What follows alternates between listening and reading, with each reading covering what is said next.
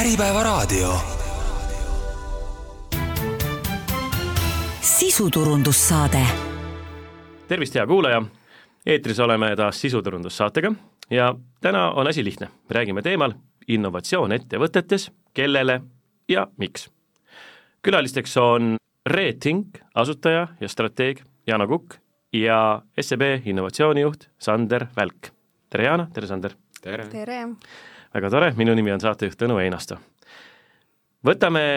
siis tänast vestlust alustada ilusa lausega, mis võtaks kokku tegelikult tänase huvitava kolmveerandtunnise vestluse. innovatsioon on kasvava ettevõtete lahutamatu osa, olenemata sellest, kas me räägime tootmisest, teenusest või vahendusest. mis asi on innovatsioon, kuidas innovatsioon ettevõtted arenema paneb ja kuidas SEB kasvuprogramm selles protsessis ettevõtteid toetada saab, sellest me tänaste külalistega räägimegi. ja Sander, võib-olla esimene küsimus kohe sulle, enne kui me sellesse teemasse sisse sukeldume, et mis see SEB kasvuprogramm on, kus te asute ja kellele te hoogu annate? Jaa, väga, väga hea küsimus. SEB kasvuprogramm on ennekõike ärikiirendi ambitsioonikatele Eesti ja Baltikumi ettevõtetele üldisemalt. ja asume ikka Tornimäe kontoris põhiliselt, SEB peakontoris, kus me seda programmi läbi viime, kus on selle programmi pesa ja, ja kodu, ja, ja seal see on juba toimunud äh, palju aastaid, eelmisel aastal lõpetas üheksas lend, programmi on läbinud kokku sada viiskümmend pluss ettevõtet. ja ei ole te ainult äh, Tallinna kõrghoonesse oma pesa teinud, vaid tegemist on ju ka rahvusvaheliste liinidega, mis sisse jookseb ja ka heade mõtete linn, äh, tulevane Euroopa kultuuri pealinn Tartu võtab teie tegemistest osa? absoluutselt, SEB-l on ka innovatsioonikeskus loodud Tartusse, mille esimene prioriteet ja eesmärk on akadeemiline koostöö. aga kasvuprogrammi kontekstis muidugi on ka Tartu Innovatsioonikeskus väga oluline, sest et Lõuna-Eesti ettevõtted, ennekõike töötlevas tööstuses, äh, saavad samuti osa meie programmidest ja, ja meie esindatus on, on üle riigi kaetud mis puudutab äh, rahvusvahelist tasandit, siis jah, me oleme tegelikult kasvuprogrammi, mm, Eesti on nii-öelda pilootriik, mille, kus me esialgu alustasime, aga kasvuprogramm toimub kolmes Balti riigis, siiani on see programm olnud alati konkreetne, Eesti programm, Läti programm ning Leedu programm, meil on ka tulevikuambitsioonid selles valdkonnas, kuidas saaks seda programmi veelgi rahvusvahelisemaks teha ja rõhutada just koostööprojekte, koostöövõimalusi ja innovatsiooni riikidevahelises koostöös väga kena. kas me võime öelda, et äh, sina oled äh, Tallinna Innovatsioonikeskuse juht koosloome valdkonnas, et kas me siis saame võtta ka niimoodi, et see innovatsioon on ikkagi selline distsipliinide ülene ja ühendav, koosloome on ju ka mõiste tegelikult äh, poliitika kujundamises, kogukondade kaasamises, teenuste loomises, et see ei ole mitte ainult see, et anname mõnele ärile või ettevõttele või organisatsioonile hoogu, vaid see on palju rohkemat jaa, absoluutselt, ma arvan, et selline, mis puudutab innovatsiooni, siis üheks võtmesõnaks kindlasti on äh, interdistsiplinaarsus. Ja valdkondade ülene koostöö, et äh, kuna maailm on muutumas nii keerukaks, olgu need keerulised tooted, teenused, tarneahelad, äh, mis iganes, siis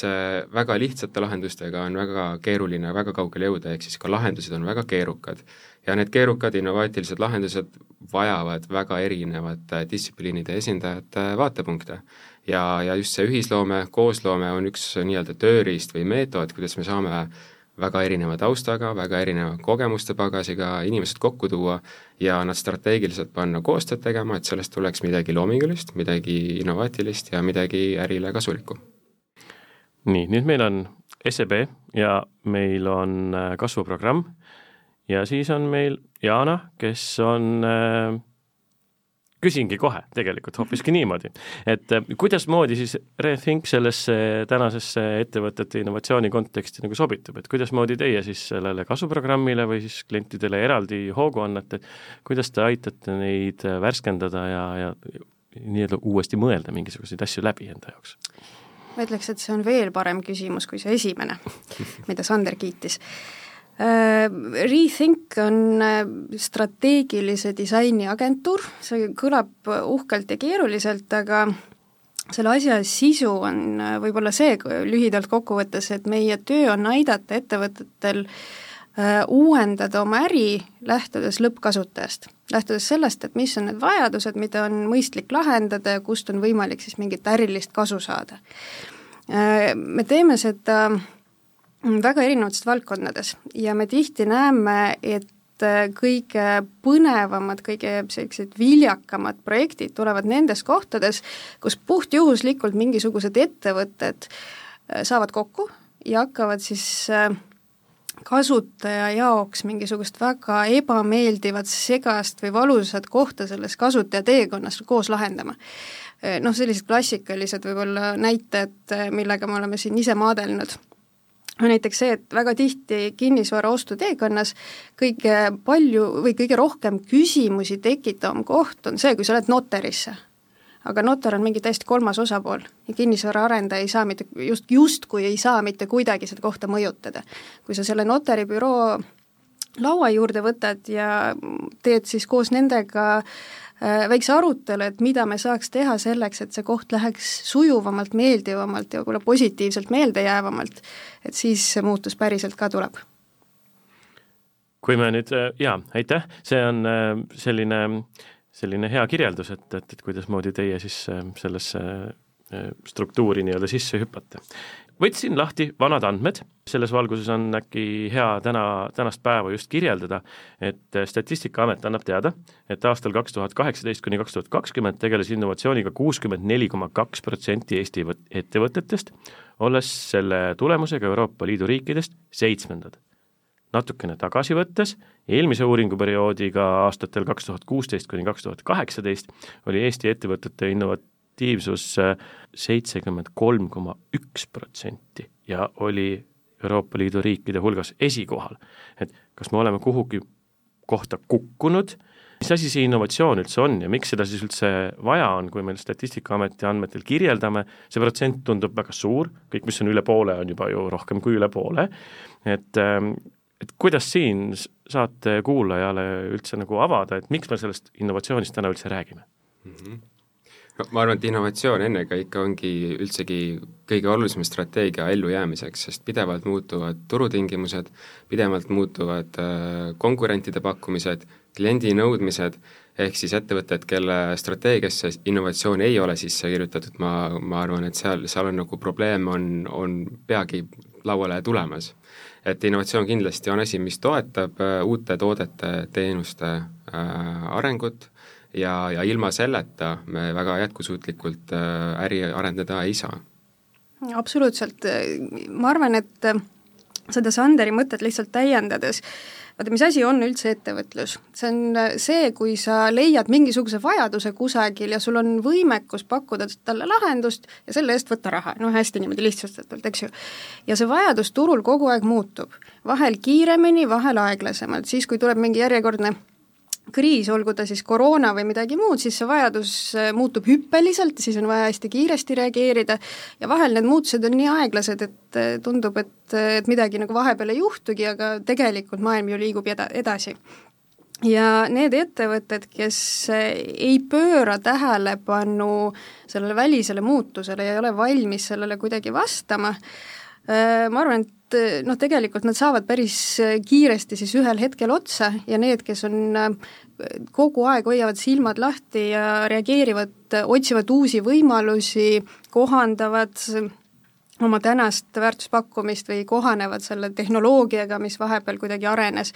et nendel tegelikult on, on see lootus ellu jääda palju suurem ja siit edasi võib-olla natuke sellest statistikat ka, millest sa just rääkisid see on hästi suhteline, sest et äh, ma ei tea, kuidas Statistikaamet kogus neid andmeid, aga kui sa lähed ettevõtte juurde ja küsid, et kas te tegelete innovatsiooniga, siis ma kujutan ette, et see vastus on üsna subjektiivne. keegi, kes võib-olla omast arust ainult innovatsiooniga tegelebki, tege-, tegelikkuses hoiab kinni kramplikult mingisugusest asjast, mis on ajale selgelt aeg, jalgu jäänud ja keegi, kelle jaoks innovatsioon ja see mõtteviis on nii loomulik, ta ei oska isegi seda tähele panna ja seda välja tuua. nii et äh, jah, ilmselt Statistikaamet siiski kogus need andmeid kuidagi äh, süsteemsemalt kui lihtsalt küsi-, selli-, sellise küsimuse kaudu, et kas sa tegeled või ei tegele. aga ikkagi ma arvan, et äh, siin see trend on mingis mõttes, paistab pigem välja selles, kui edukad on ettevõtted, kui paljud ettevõtted uksed kinni panevad, kui palju ne-, neist võib-olla mingitele uutele turgudele või uute segmentidega tööd alustavad, et see on pigem palju kõnekam näitaja, ma arvan. Jaa, ma, ma samuti lisaks, et ma ei, sellest Statistikaameti nii-öelda tabelist võib-olla väga ei, ei heidutuks, et kus me seal nüüd asetseme, kas esimesel, seitsmendal või, või viiendal kohal, et Eesti turu väiksusest juba olenevalt see, need näitajad võivad väga palju ja väga kiiresti väikeste globaalses kontekstis võib-olla väikeste mõjutajate peale väga, väga kiiresti üle reageerida või ka üle, üle reageerida ähm,. on olemas selline äh, indeks nagu European Innovation Scoreboard, mille järgi me nii-öelda oleme ajalooliselt või niimoodi viimaste aastate lõikes pigem selline äh, keskmike hulka kuuluv, pigem niisugune tugev keskmine võib-olla, äh, Baltikumis oleme me siiani veel nii-öelda liidripositsiooni hoidnud selle tabeli järgi, küll aga Leedu on meile väga kiirelt oh. järele tulemas. üks kirjeldab enda ettevõtluses innovatsiooni ühtemoodi, teine teistmoodi ja siis me ei saagi kõike samasse tabelisse panna ja õnneks või kahjuks jällegi äh, on äh, innovatsiooni sõnal, kuid selliselt on natuke juba esoteeriline kuidagi vibe juures, et et äh, väga tihti see tundu-, see on, kuidagi kõlab, et see on midagi suurt, midagi nagu sellist tavatööst eraldiseisvat ja tegelikult ei tohiks ju nii olla jällegi, et äh, see on, see on midagi, mis on väga tihti pigem kinni mõttelaadis, sellega on noh, väga palju praktilisi põhjuseid seotud, aga äh, laias laastus see ei pruugi olla see, mis esmapilgul võib-olla kuidagi seostub selle terminiga. et me ei räägi alati tehnoloogiast, me ei räägi alati millestki, mis on mingisugune valgus kaugusele kuskile nagu niisugune suur hüpe, eks ju, kus kus midagi muutub väga dramaatilised muutused võivad olla või kohanemised võivad olla päris pisikesed, aga nendel võib olla väga suur mõju. ehk siis ma arvan, et see innovatsiooni mõiste kui selline ja innovatsiooniga tegelemine, see tõesti vajab natuke võib-olla sellist äh, tähenduse kohandamist eh, meie sellises igapäevases ärikeeles. Et kui on natukene ebamugav, siis justkui nagu teed innovatsiooni, sellepärast et sa ei ole oma sellises vanas nagu mullis või mingites hästi sisse tallutud raja peal ja mustrites, et, et kui sa oled valmis märkama, mis ümberringi toimub, oled valmis kohanema või paar sammu ette nägema, siis see juba võikski olla sellise innovaatilise organisatsiooni üks selline märksõna, et kui sa teed oma asja ilma ümberringi toimuvat hindamata ja kaardistamata, noh, siis sa oledki igav, järelikult noh, sa oledki selles kohas, et sa ei, ei julgegi võib-olla teha mingisuguseid samme tavalisest rajalt kõrvale klassikuid tsiteerides see pidi olema ka üks hulluse tunnus, kui niisugune sa kogu aeg teed ühte ja sama asja ja loodad erinevat tulemust, nii et ma arvan, et see ettevõtluse osas kehtib täpselt samamoodi. just yeah.. küsime siis, kui palju hulle pangas on? Kui on pank, on innovatsioon, kuidas need asjad kokku käivad, mida seal üldse teisiti saab teha? jaa, panga, panga vaatepunktist innovatsioonil on justkui minu igapäevatöös kaks erinevat dimensiooni. üks ongi see, et pank ise, kui innovaatilised meie oleme ja teine on siis kõik need programmid ja, ja tugisüsteemid, mis on Eesti või Baltikumi ettevõtlusökosüsteemi parandamiseks, tugevdamiseks või sellesse panustamiseks. Äh, mulle tundub, et see küsimus on ennekõike selleks, et kui, kui innovaatilised meie oleme või kuidas käib kokku pang-, pangandus ja innovatsioon, siis selles osas on, äh, on, on pangas äh, see teema väga aktuaalne, innovatsioon on asi, mis roomab sisse nii aknapragudest kui ka põrandapragudest, see on asi, mis mõnede inimeste jaoks on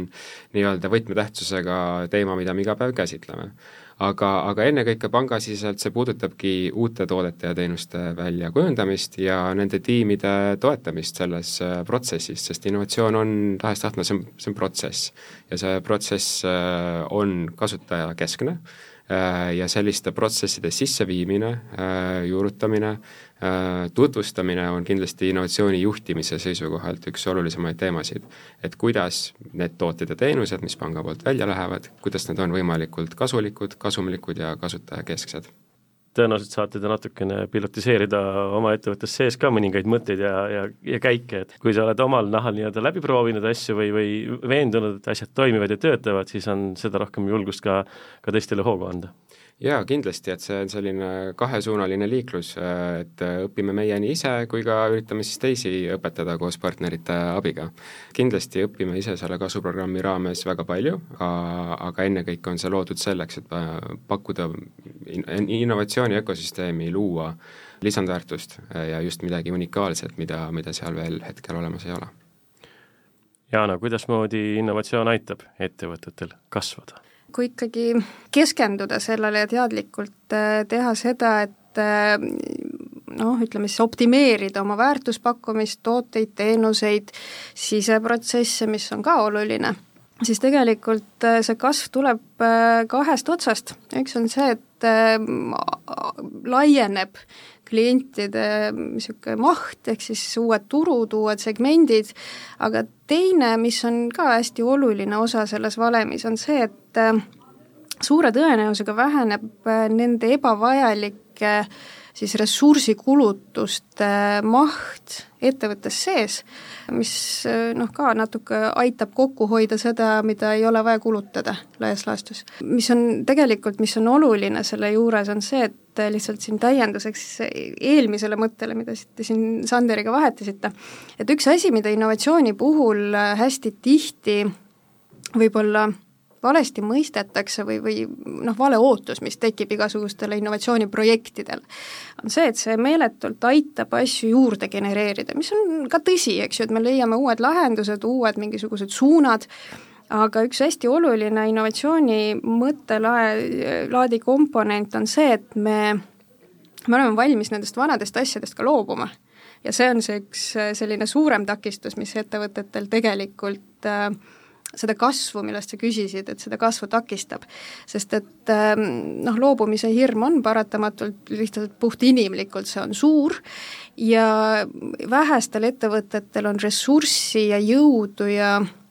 noh, üldse isegi inimesi, kes oleks võimelised tegelema korraga nii uute suundade avastamisega ja käimalükkamisega, kui ka igaks juhuks selle vana äri üleval hoidmisega, mis ei pruugi olla ratsionaalne. ja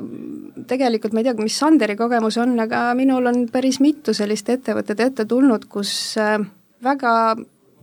põnevad asjad said välja arendatud, aga nende teostamine jäigi selle taga, et sellest eelmisest ja nii-öelda noh, vanast aegunud mudelist ei oldud valmis loobuma. Ja seda, seda ikka tuleb ette, nii üks, ükskõik mis tööstusesse me vaatame või, või mis valdkonda, siis äh, noh, neid asju luua, eriti mingisuguste kiirendite raames, on noh, me oleme tõestanud ära, et see on võimalik, inimesed suudavad seda teha,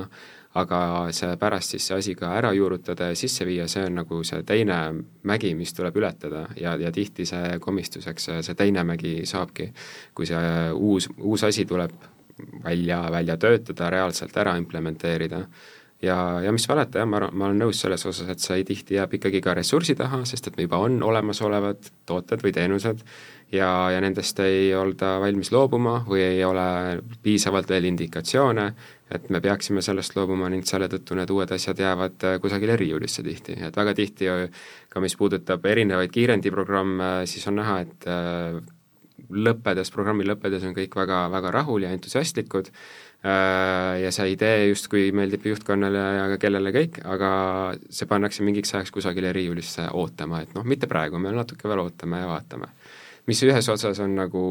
pole nagu see ideaalne väljund programmist teises osas iga programmi läbimisega, mis puudutab innovatsioonikiirendeid, siis tegelikult need inimesed, kes osa võtavad, nad õpivad meeletult palju uusi asju. Nad on lihtsalt ka nii-öelda future-proofed, et seda tulevikus tegema hakata. kindlasti siin on nagu sellist kaks, kaks nüanssi, millele tasub äh, rõhku pöörata, üks on see konkreetne äriidee, aga ka teine on see ettevõttepoolne valmidus äh, ja oskused äh, ja enesekindlus võib-olla tulevikus neid asju rakendama hakata miks üldse üks finantsasutus, üks pank, SEB peaks äh, oma kasvuprogrammis äh, kiirendama ettevõtteid, mis, mis siis äh, teie ootus või boonus on, et kui ettevõtted tulevad ja saavad teie käest know-how'd, võib-olla ka finantsilist toetust, mentorlust, ka väga suur ja oluline osa on kindlasti see omavaheline suhtlus ja nii-öelda heas mõttes grupide väljundid, eks ole, et, et kui meil on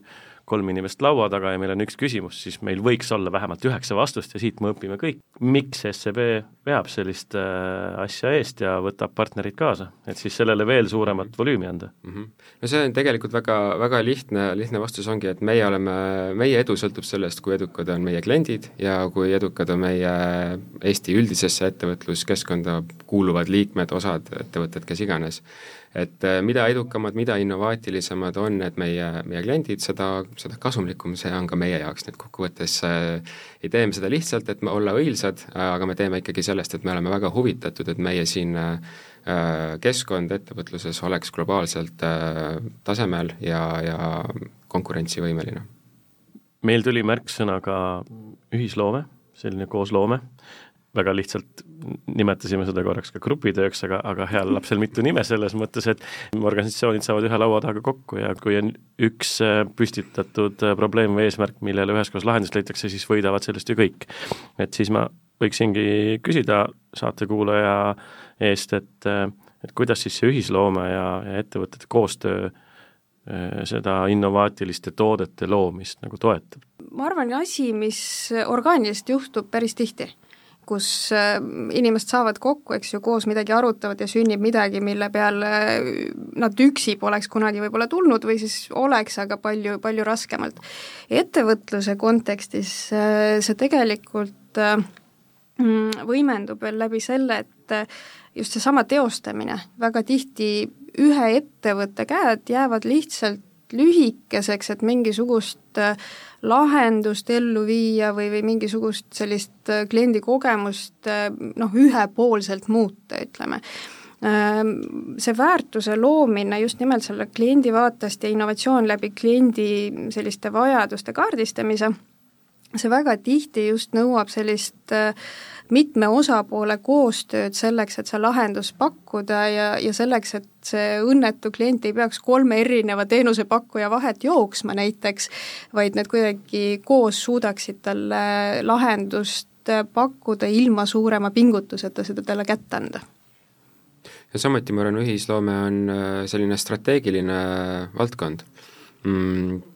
Eelnevalt natuke analüüsides seda innovatsioonimaastikku Euroopa tasandil, siis joonistub välja, et see on valdkond tegelikult, kus äh, riigid, kes meile tihti on eeskujuks, on need siis Skandinaavia või Lääne-Euroopa riigid, mis puudutab innovatsiooni juhtimist ja innovaatiliste toodete-teenuste loomist, siis seal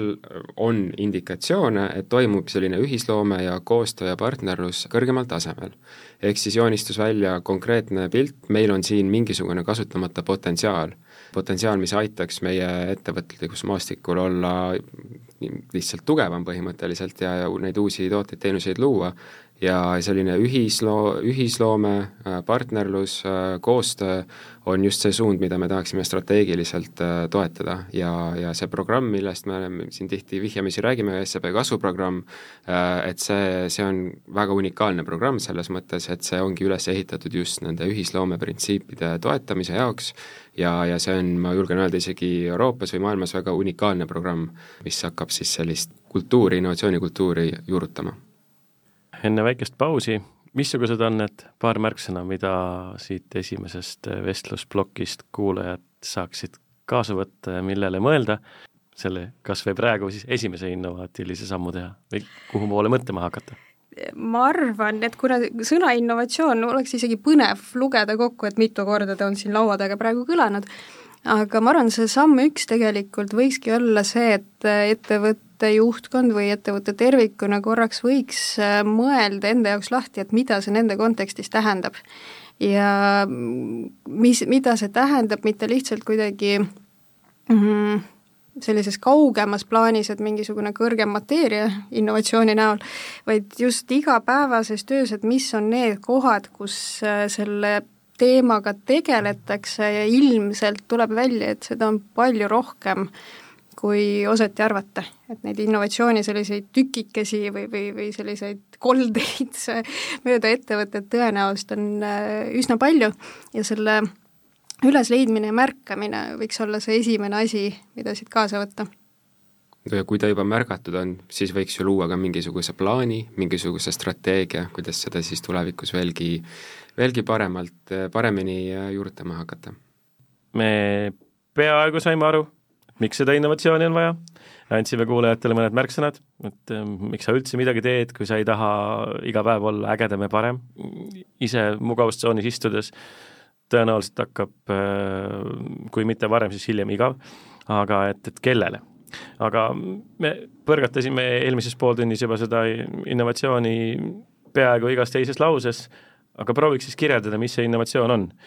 minust targemad inimesed on kirjeldanud innovatsiooni järgmiselt. Innovatsioon ehk uuendustegevus tähendab uue või oluliselt täiustatud toote või teenuse turule toomist või uuendatud äriprotsessi kasutusele võtmist. innovatsiooni eesmärk on luua väärtust ja saavutada konkurentsieelis, mis aitab kaasa ettevõtete arengule ja suurendab tootlikkust, soodustades nii majanduskasvu laiemalt. Siin saame vist öelda, et, et, et Sander seda kõike just ju rääkis ka, et see nii võikski olla ja Jana kinnitas takka, et meil pole mõtet istuda äh, nii-öelda omas mullis, vaid et äh, kui meil on natukene ebamugav, siis järelikult me mõtleme laiemalt, kui, kui võib-olla minimaalseks elus püsimiseks vaja on. Ma arvan, et sa astud praegu väga libedale teele, küsides kahe akadeemilise taustaga inimese käest mingisuguseid definitsioone. jaa see... saat-, saate kuulaja tahab teada, et, et andke siis see kolmas ja neljas definitsioon palun juurde, et me üldse aru saaks, millest me räägime. Noh, ma arvan, et selliseid kuidas ma ütlen, pidulikke ja, ja kõikehõlmavaid definitsioone ilmselt saab äh, ka kuulaja guugeldada üsna edukalt aga praktikas, mida innovatsioon tegelikult tähendab, on see, et vaata, äh, stereotüüpselt me mõtleme millegi leiutamise peale. et kui me räägime innovatsioonist, siis esimene, mis pähe tuleb, on see, et noh, et ma pean nüüd hakkama midagi nagu eh, totaalselt uut välja mõtlema, mida ei ole olemas. ja see, ma arvan, on väga tihti ka selline no oluline takistus sellele teekonnale astumisel, sest et inimesed natuke kahtlevad oma võimekuses noh, tõesti midagi välja töötada, mida keegi varem teinud ei ole ja see on see koht, kus see tegelik innovatsiooni olemus võib-olla mängu tuleb, sest et äh, kui vaadata, mis, mida see äris tegelikult tähendab, siis enamuses innovatsioon on see, kui sa rakendad mingisugust varem tehtud asja, aga teises kontekstis oma valdkonda. Ehk siis sa sisuliselt hoiad silmad lahti, vaatad, kuidas keegi on mingisuguseid analoogseid probleeme lahendanud, võib-olla täiesti totaalselt Äh, teistsuguses ettevõttes kui sinu oma ja see valdkond on ka täiesti noh, sinuga mitte võrreldav. aga sa oskad sealt midagi üle tuua, kuidagi kohandada enda, enda teemaga ja, ja seeläbi siis oma tööd, äri paremaks teha et kui sa küsid minu käest, et kuidas ma kirjeldaks seda praktikas, siis ma arvan, et ma jääks millegi sellise juurde ma lisaks ja nüüd siis veel akadeemilist ju-, suunda selles osas, et kindlasti innovatsiooni eelduseks on see, et sa õpid midagi uut see, et sa suudad mingisuguse uue ideega, uue innovaatilise ideega esialgu välja tulla, olgu see siis kas leiutatud asi või mingi analoogidele üles ehitatud asi, see eeldab seda, et sul peavad olema need antennid ikkagi nagu välja sürutatud ja sa pead õppima sellest, mis mujal toimub. ja see nõuab ressurssi, see nõuab aega, aga, aga see vajab just sellist õppimist ja see õppimine peabki olema just strateegiline, sa pead strateegiliselt oma antennid kusagile suunama, mingisugusele kindlale sagedusele, et seda osata siis enda, enda kasuks saaks ära, ära kasutada. meie tänase vestluse kirjeldav pealkiri, kellele ja milleks. kellele siis see innovatsioon suunatud on, kas, kas kõik peaksid innovatsiooniga tegelema või, või kas kõikides ettevõttes, organisatsioonides, vabaühendustes, inimeste kooslustes, kellel mingisugune ühine eesmärk on, peaks selline nii-öelda käivitav mootor sees tiksuma iseenesestmõistetavalt või, või kas me grupeerime kuidagi, kui me räägime ka kiirendist, kui me räägime ka Redfinki mõttes äh, klientidest, keda te teenindate, et, et kes siis nii-öelda teie mõlema uksele koputavad, et, et täna saate kuulaja võib olla ka mikroettevõtja, aga võib olla mõne suure organisatsiooni äh, äriarendusjuht, kes, kes tahab ka midagi uut teha ja näeb, et mm -hmm. kuskil on mingid stopid peal, tahaks need lahti kangutada ma ei oska välistada ühtegi seltskonda, kellele innovatsioon kui noh, kui, kui selline või see mõttelaad ei oleks äh, vajalik. Äh, need vormid, milles see võib-olla manifesteerub erinevates organisatsioonides, äh, tõenäoliselt on erinevad, noh kui rääkida siin niimoodi kahe skaala võib-olla äärmusest, kui me räägime väiksest startup'ist, kes ilmselt on sündinud juba sellest, et äh, hakati mõtlema innovaatiliselt mingisuguse teema kohta ja äh, siis pakutakse võib-olla väljakutset mingitele suurematele ja vanematele turutegijatele, eks ju, äh, siis nende innovatsiooni põhidriver on see, et neil on hästi vähe ressurssi ja neil on väga vähe aega ja raha selleks, et tegeleda asjaga, mis ei toimi. seega nende niisugune puhtpraktiline vajadus on hoida silmad lahti, reageerida muutuvale keskkonnale ja kohaneda sellele vajadusele, mis turul on ja pakkuda siis seda lahendust, mis päriselt midagi lahendab. Äh, suuremate ettevõtete puhul on inerts suurem, ressurssi on rohkem, neil on äh, võimalus tegeleda asjadega, mida kellelegi vaja ei ole, natuke pikemalt aga samas me täna juba näeme, et, et just sellised suurettevõtted väga tihti, et kui sa küsid, et kes tulevad uksele koputama, just väga tihti sellised ettevõtted, kes on pika ajalooga ja nad näevad, et see, millega alustati tegemist, kunagi mõnikümmend aastat tagasi ja mida ehitati üles väga pikalt ja mis tõenäoliselt täna isegi täitsa kasumlikult toimib, et see maailm läheb kusagil suunas, et nad ei saa päris niimoodi noh, kuidas ma ütlen mugavustsooni jääda, et neil on vaja kuidagi süsteemselt läheneda äh, uute suundade otsimisele, nii et äh, laias plaanis kõik, mis jääb sinna vahepeale, eks ju, et ma, nagu ma ütlesin, et need on niisugused skaala äärmused, väiksed startup'id ja suured vanad ettevõtted, kes, kõik, kes sinna vahepeale jäävad äh,, viisil või teisel saavad sellest teemast suurt kasu, lihtsalt ilmselt see vorm ja see formaat, milles nad seda teevad, see võib olla erinev jaa, ma olen äh, absoluutselt nõus, et ma üritasin ka peas leida kedagi, keda siis nagu sellelt äh, innovatsiooniskaalalt äh, välja jätta või kes ei peaks sellega tegelema või, või kellele see ei lisaks lisandväärtust, siis väga keeruline kedagi leida, kes sinna joonele nagu ei mahuks, et kindlasti see on just nimelt selline strateegiline osa väga erineva suunitluse ja suurusega ettevõtete jooks, jooksutamisest nii-öelda. ja, ja meie kasvuprogrammi ukse peal SEB-s äh, ennekõike koputavad sellised äh, keskmise ja keskmised ja suured ettevõtted. aga, aga on olnud ka väiksemaid ettevõtteid, äh, kus on võib-olla käputäis liikmeid ainult ja väga entusiastlik tiim,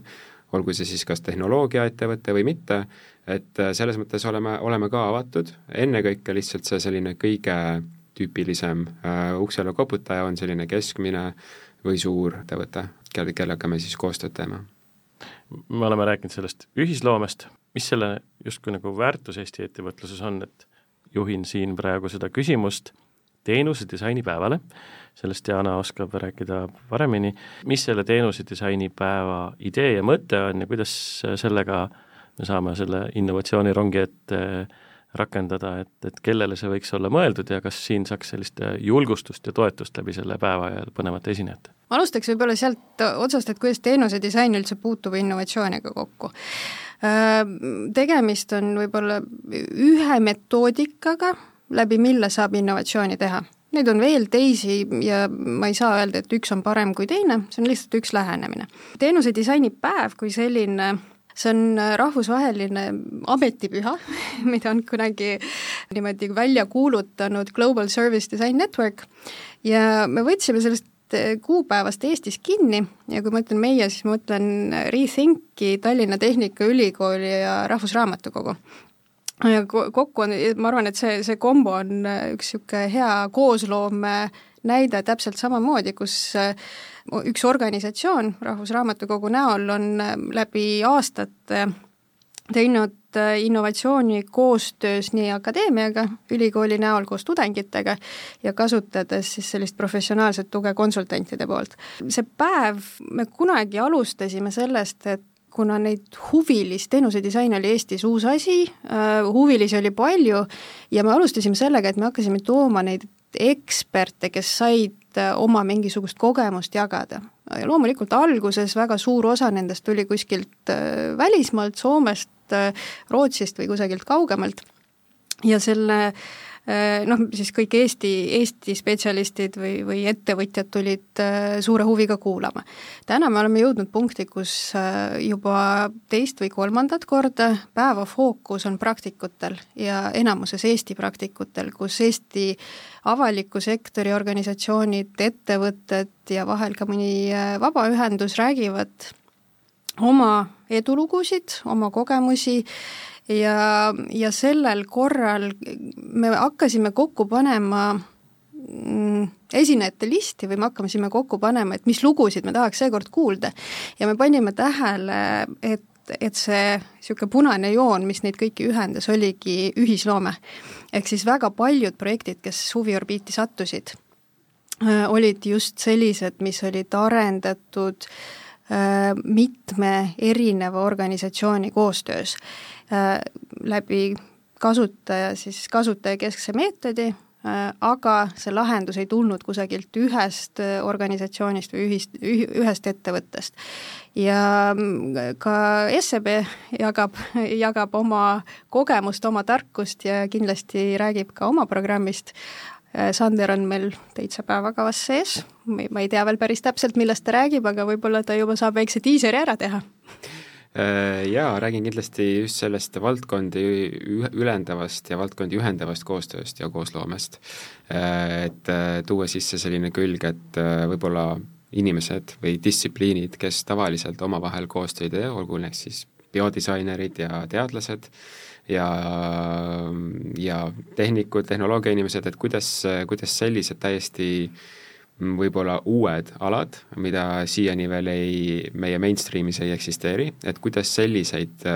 sellise taustaga inimesi äh, panna koostööd tegema nii, et sealt midagi innovaatilist välja tulla.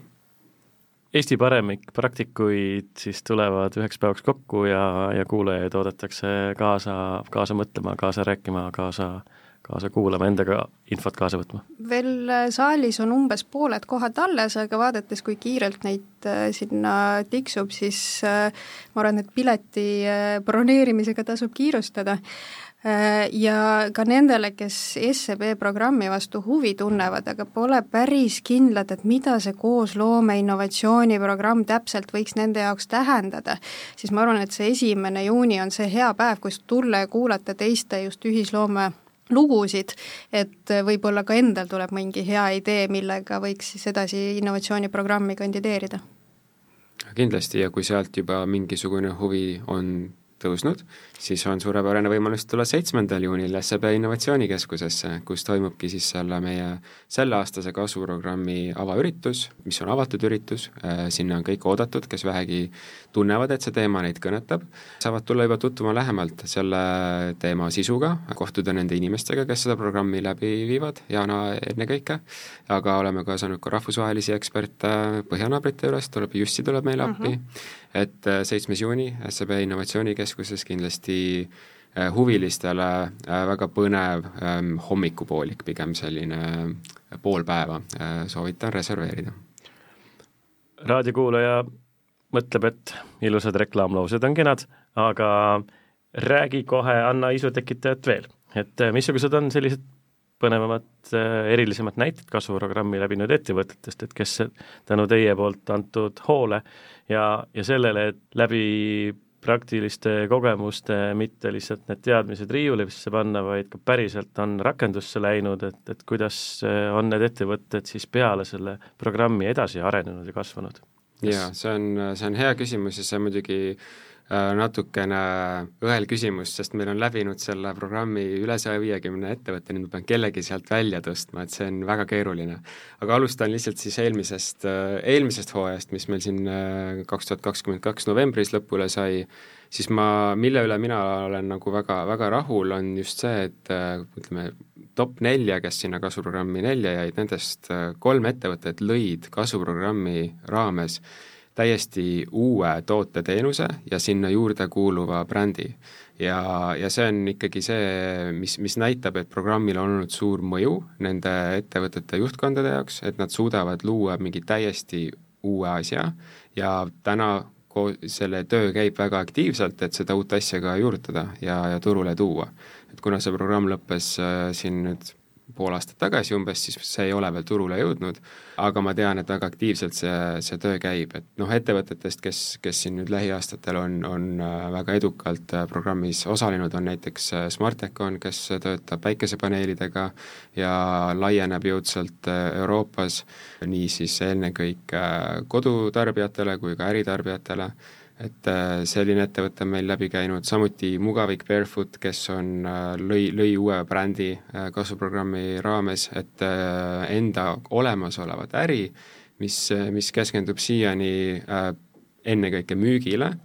et tegelikult hakata ise tootma, hakata ise pakkuma unikaalset toodet, et see on täiesti suur hüpe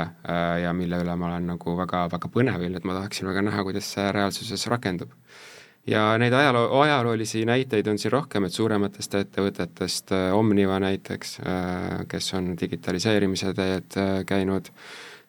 ja just väga palju lisandväärtust oma klientidele suutnud pakkuda tänu kasvuprogrammi läbimisele või, või siis ka iglusaunade tootjad, kes liikusid võib-olla mingis mõttes selliselt tootemudelilt ka teenusemudeli peale üle, et neid näiteid nagu jagub ja jagub ja väga keeruline kedagi nüüd sellest mütsist välja tõsta, aga nüüd ma paar nime siiski tõstsin välja. ma võtan veel korraks Statistikaameti tabeli ette, sellepärast et äh, siin tekib kohe küsimus, mida teie spetsialistidena oskate kindlasti laiendada ja kirjeldada, et, et, et kui me vaatamegi seda tänast võlusõna innovatsiooni, missuguses nii-öelda situatsioonis üks või teine ettevõte või organisatsioon üldse on. Statistikaamet, mina lõin innovatsiooni internetiotsingu sõnasse, Statistikaameti lehe, seal tuli tabel, millel oli pealkiri Ettevõtted uuenduslikkuse liigi järgi kaks tuhat kakskümmend. ehk et me liigitame neid et-, uuenduslikkusi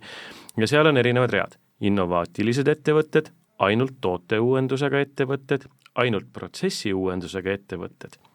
toote ja protsessi uuendusega ettevõtted, lõpetatud toote või protsessi uuendusega ettevõtted. Ning siis on lõpp, kaks äh, rida veel, mitteinnovaatilised ettevõtted ning katkestatud või poolelioleva innovatsiooniga ettevõtted. minule lugejana tekkis kohe mida, äh, küsimus pähe, et mida need kaks nii-öelda viimast kirjeldust äh, annavad meile need katkestatud või poolelioleva innovatsiooniga ettevõtted ja mitte innovaatilised. et, et kas me saame ikkagi lugeda neid ka natukene selles tabeli äh, ridade hulgas positiivseteks näideteks, et kui ettevõte on vähemalt alustanud, ta on juba võtnud endale selle julguse mõelda kastist välja teistmoodi, natukene modelleerida oma seniseid äh, protsesse, tegevusi et äh, kuidas me siin nende tabelite valguses ja nende kirjelduste valguses seda innovatsiooni lahti seletada saame? No see viimane rida, millest sa räägid, et see pooleli või katkest-, noh loomulikult, kui ta on pooleli, siis võimalik, et temast tuleb veel suur edulugu. Äh, need, kes on katkestanud, ma arvan, on ka pigem positiivsed näited, sest et noh, sellest on ka pikalt räägitud ja väga palju ja ka eelmistes SEB programmi voorudes, kuidas iga innovatsiooni niisugune katse on seotud suure riskiga ja ka see, kui seal poole peal selgub, et tegelikult see ei ole hea plaan, millega sa alustasid, et see on täiesti okei okay,, kui sa seda pooleli jätad ja hakkad mingisuguse järgmise suuna või, või järgmise innovatsiooniraundi peale mõtlema. Äh, nii et ma arvan, et pigem äh, neile lähevad punktid kirja selle eest, et nad proovisid ja lihtsalt loodame, et nad ühel hetkel liiguvad äh, ka sinna teistele nii-öelda sinna tabeli ülespoole, nendele ridadele, kus, kus on ka mingisugused muudatused reaalselt sisse viidud. Ja veel üks huvitav äh, tabel, mida tegelikult ka või rakendab äh, siis ka innovatsiooniliidrite klubi, mille SEB üks asutajaliikmeid on, on innovatsioonitrepp, äh, mida siis koostöös erinevate partneritega on, on välja töötatud, mis aitab ettevõtetel nii-öelda ise positsioneerida, kus nad sellel trepil astmel asetsevad, see on üsna selline huvitav protsess, mida läbi teha ettevõtetel ja ettevõtete juhtimisel, juhtidel, et aru saada, mis on nende praegune innovatsioonivõimekus, ähm, seal sellist äh, nullastet kui sellist, mis siin nüüd sellest eelmisest tabelist välja käis, minu teada ei ole, et see võimekus kuskil on kindlasti olemas, Äh, aga see positsioneering on väga huvitav just selle tõttu, et äh, see trepp minu mäletamist mööda koosnes kas neljast või viiest astmest, et äh, selle tulemusena saavad ka ettevõtted väga konkreetsed juhised, kuidas järgmisele trepiastmele hüpata. et soovitan kindlasti otsida innovatsioonitreppi ja, ja üritada endale üks innovatsiooni audit saada, et saada teada, kus see ettevõte praegu positsioneerib ja mis võiksid olla need järgmised sammud, kuidas kõrgemale ronida ja nagu me ütlesime, et me ei tea ju ka väga täpselt, kuidasmoodi neid tabeleid missuguse teadmiste baasil koostatakse, siis mitteinnovaatilised ettevõtted võib ka kirjeldada seda hoopiski, et ettevõte ise ei oska ennast positsioneerida, ta ei oskagi ennast nagu, ei oskagi välja öelda, et ta tegelikult on innovaatiline, aga ta ei, ta ei, ta ei näe ennast selles pildis. ja see, seda tuleb äh, praktikas päris palju ette, mul äh, just hiljuti kohtusin ühe kliendiga, kellega me tegime koostööd mõnda aega tagasi, ehk siis sellest on juba aastake või isegi nagu paar-kolm möödas, äh, kes ühinesid ühe teise organisatsiooniga ja kaks kultuuri said kokku ja siis selle selle ühi, ühe ühineja siis nagu esindaja jagas lihtsalt oma niisuguseid äh, taipamisi sellest äh, huvitavast protsessist, kus ta jagas, et tead, et me nüüd saime aru, et tegelikult me tegelesime äh, innovatsiooni ja teenuse disainiga üsna orgaaniliselt, aga me ei saanud sellest enne aru, kui me nüüd neid teisi läge-, lähedalt nägime, sest et see, mis neile on selline uus, noh, ei ole üldse harjumuspärane ja tundub täiesti võõras, et see meie jaoks on täiesti normaalne igapäevatöö tegemine. nii et ega seda enne vist aru ei saa, kui see kontrast kusagilt tekib, nii et väga paljud, ma arvan, kes sinna reale sattusid selles hinnangus, võisid olla ka sellest kategooriast tänase väga põneva ja huvitava vestluse lõpetuseks, kuhu see innovatsioonisuund täna üldse liigub? Et see ei ole ainult üks kindel rada, üks kindel rida nii-öelda ülesandeid või tegevusi, mida tuleb teha, ja üks kindel lõpptulemus, iga ettevõte vajaks innovaatoreid oma tiimi ja kõiki teenuseid me agentuuridelt sisse ei osta, et kuhu see tulevik läheb, et täna me õpetame ju teenusedisainereid Pärnus, Tallinnas, jätkusuutlikkus on kuum teema, mis tuleb äh, igalt poolt sisse erinevas suuruses organisatsioonidesse, rohemajandus, erinevad lülid, et, et järelikult see innovatsioon on ka väga mitmeharuline selline mhm. võimas puu, eks ole, et, et kuhu me täna siis läheme? üks oluline märksõna, mis sul veel vahele jäi, mis on endiselt väga aktuaalne, on digitaliseerimine mis äh, ma arvan, on väga paljude jaoks äh, noh, vähemalt nende arusaamade järgi ongi mingisuguse võrdlusmärgiga innovatsiooniga tihti äh, ja noh, paljude ettevõtete jaoks ongi see esimene samm või, või esimene nii-öelda eesmärk, mik-, mille nimel siis muudatustega alustatakse. Teine, ma ütleks, et globaalsel skaalal üsna mm, kuum sõna või kuum märksõna äh, on lihtsustamine. sest et täna väga paljud ettevõtted on le-, jõudnud sinna, kus äh, nende tooteportfoolio ja tooted ise, teenused ise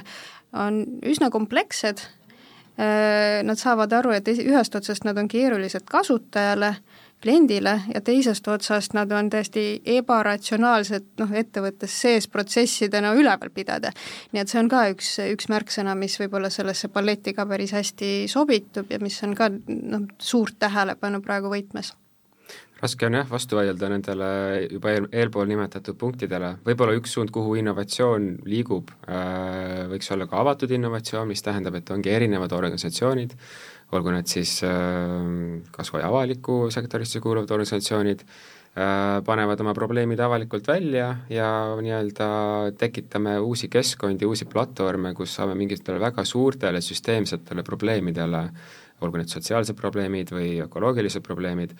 valdkondade üleselt, kuidas neid lahendama hakata, nii et selline avatud innovatsiooni mõttelaadi keskkonna panustamine, ma arvan, et see on üks suund, kuhu innovatsioon liigub. Kindlasti biomajandus on, on suund, mis on väga aktiivne ja Euroopa Liidu tasandil meil on kohustus äh, sinna suunda liikuda, meil pole sellest pääsu, tahame me või mitte, ma arvan, et suurem osa meist seda ka väga tahab ja selles näeb väga positiivselt äh, väljakutset ja võimalust, kuidas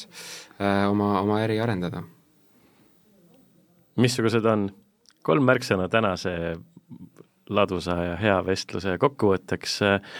mida kuulaja siit nüüd kaasa võiks võtta? üks selline võib-olla mõte, mis lihtsalt, noh, innovatsioonist on palju räägitud, eks ju, see ei ole esimene saade, kus, kus ilmselt see märksõna nii tihedalt sees on. Äh, ma arvan, et see on üks selline mm, asi või, või see mõte, mis võiks jääda, on see, et äh, selle, sellega tuleb äh, tegeleda sama regulaarselt, nagu sellest raadios räägitakse. Sest et äh, siin äh, me oma kolleegidega oleme kasutanud sellist äh,, sellist metafoori, et selle mm, kui sa ükskord lähed kusagile programmi või lähed koolitusele, mis on ka niisugune moodne värk, ja korraks äh, ükskord proovid teha midagi mm, innovaatilist, siis äh, see on korraks niisugune ebamugav ja, ja paha. See on umbes nagu sa üks kord aastas lähed trenni, on ju, et noh, nüüd, nüüd hakkan kaalusse alla võtma. ja lähed trenni, sul on seal paha ja ebameeldiv ja siis järgmine päev ärkad, et on, kõik on valus ja kohutav on olla, vaatad peeglisse, mitte muhvigi muutunud ei ole. Ja siis annad alla innovatsiooniga on umbes sama asi, et kui sa lähed noh, programmi või, või koolitusele, teed seda, pingutad ükskord ära, ta tavaliselt ei ole mingisugune erakordselt nauditav kogemus, noh kui sa pead muutusi siit sisse viima ja tööd tegema natuke rohkem võib-olla kui tavaliselt, eks ju. Ja siis vaatad noh, järgmise kuu, ma ei tea, bilansitabelit, vaatad, et ei olegi kümnekordset kasvu kohe tulnud. Ja siis annad alla, et see tegelikult see noh, see analoog on üsna lähedane, et ma arvan, et see, mida võiks kaasa võtta, et miks sellest teemast nii palju räägitakse, on see, et sellega tuleb tegeleda üsna järjepidevalt, et midagi paremaks läheks. et selle mõju avalduks ja võib-olla mõte, mille ma veel tahaksin siis kokku võtta, ja võib-olla see puudutab ka neid tabeleid, kus, mis, mis siin Statistikaametist välja tulid, et kus meil kas läheb hästi või ei lähe nii hästi, selline banaalne mõte, et, et koostöös, ühisloomes me ikkagi suudame minna kaugemale kui üksinda, aga see vajab, me üldse oskaksime ja julgeksime koostööd teha, see vajab enesekindlust. ja, ja see enesekindlus ongi asi, mida me saame oma SEB kasvuprogrammis teile anda. et äh, kindlasti saada need tööriistad, saada need oskused ja kogemus, kuidas ise ühisloomeprojekte, koostööprojekte, partnerlusprojekte kellegi teisega väljaspool oma organisatsiooni läbi viia, et äh, luua see kogemus, see, see enesekindlus üles ehitada, selle kallal tuleb samamoodi vaeva näha. absoluutselt, ja mis on võib-olla kõige suurem väärtus programmis osalemiseks, on see, et sa võtad aega kuna innovatsioon tihti eeldab seda, et sa pead iseendale, oma partneritele, klientidele esitama mingisuguseid üsna ebamugavaid küsimusi ja noh, ebameeldivaid tegevusi inimlikult. Me kipume edasi lükkama või, või kuidagi ära jätma, siis tegelikult äh, ma arvan, et see programm niisugune lisaks see, et sa äh, saad teada, kuidas seda kõike teha, sa saad ka oma kalendris väga konkreetselt broneerida ära selle aja, et sul on mingisugune äh, üsna piiratud, üsna lühike, aga siiski ole, täitsa arvestatav äh, hulk aega kahe kuu jooksul, millal see pingutus ära teha. Ja tavaliselt äh, mis juhtub, on see, et noh, vähemalt nii palju, kui me oleme neid programme näinud erinevates kontekstides erinevate ettevõtetega, on see, et et kahe kuu lõpuks selgub, et see tegelikult on päris hea asi et see ei olegi nii raske, nagu me arvasime, et see ei olegi nii selline raketiteadus, nagu alguses tundus, ja sellest on täitsa tuntavad ja vahel ka täiesti mõõdetavat äh, kasu juba selles lühikeses ajaperspektiivis. kutsume ettevõtteid juuni alguses endale paar päeva planeerima, olete mõlemad võõrustaja rollis, teineteisel külas käimas, ühe eesmärgi nimel väljas, Eesti ettevõtlus õitseks ja areneks ja et ettevõtjad ja organisatsioonid ise saaksid enda initsiatiivil sellele kõigele väga, väga suurt nii-öelda panust anda, et keegi teine nende eest seda innovatsiooni nende ettevõtetes ei loo, ise tuleb võtta see julgus, see esimene samm, aega tuleb võtta, see ei juhtu üleöö ja kui üks kiirendi või programm läbi saab, siis usutavasti sellega tekib ka see harjumus, et neid tegevusi jätkata, et, et see ei ole, et nüüd sai kiirendi läbi, nüüd me oleme innovaatilised, rohkem mitte midagi tegema ei pea, et pigem selle harjumuse sisseõppimine, et see on jätkupidev protsess. väga tore, aitäh teile saatesse tulemast, Jana ja Sander! aitäh kutsumast! aitäh! SEB ja Refink ehk siis äh, agentuur, kes äh, annab äh, ettevõtetele hoogu ja aitab nende mõttemalle kujundada ja uuendada, värskendada. Ja innovatsiooni poole pealt SEB annab siis kiirendiga selle keskkonna loob ja, ja annab võimaluse tulla ja julgetel siis uuendada ja, ja ennast hoopis teisest küljest näha ja koos loomet teha. Väga tore vestlus, jääme siis uusi kohtumisi ootama, soovime kaunist kevadet ja edukat kohtumist uute põnevate kirjandajate ja klientidega. selline oli tänane sisuturundussaade, rääkisime innovatsioonist. mina olen saatejuht Tõnu Einasto ja soovime kõigile kena päeva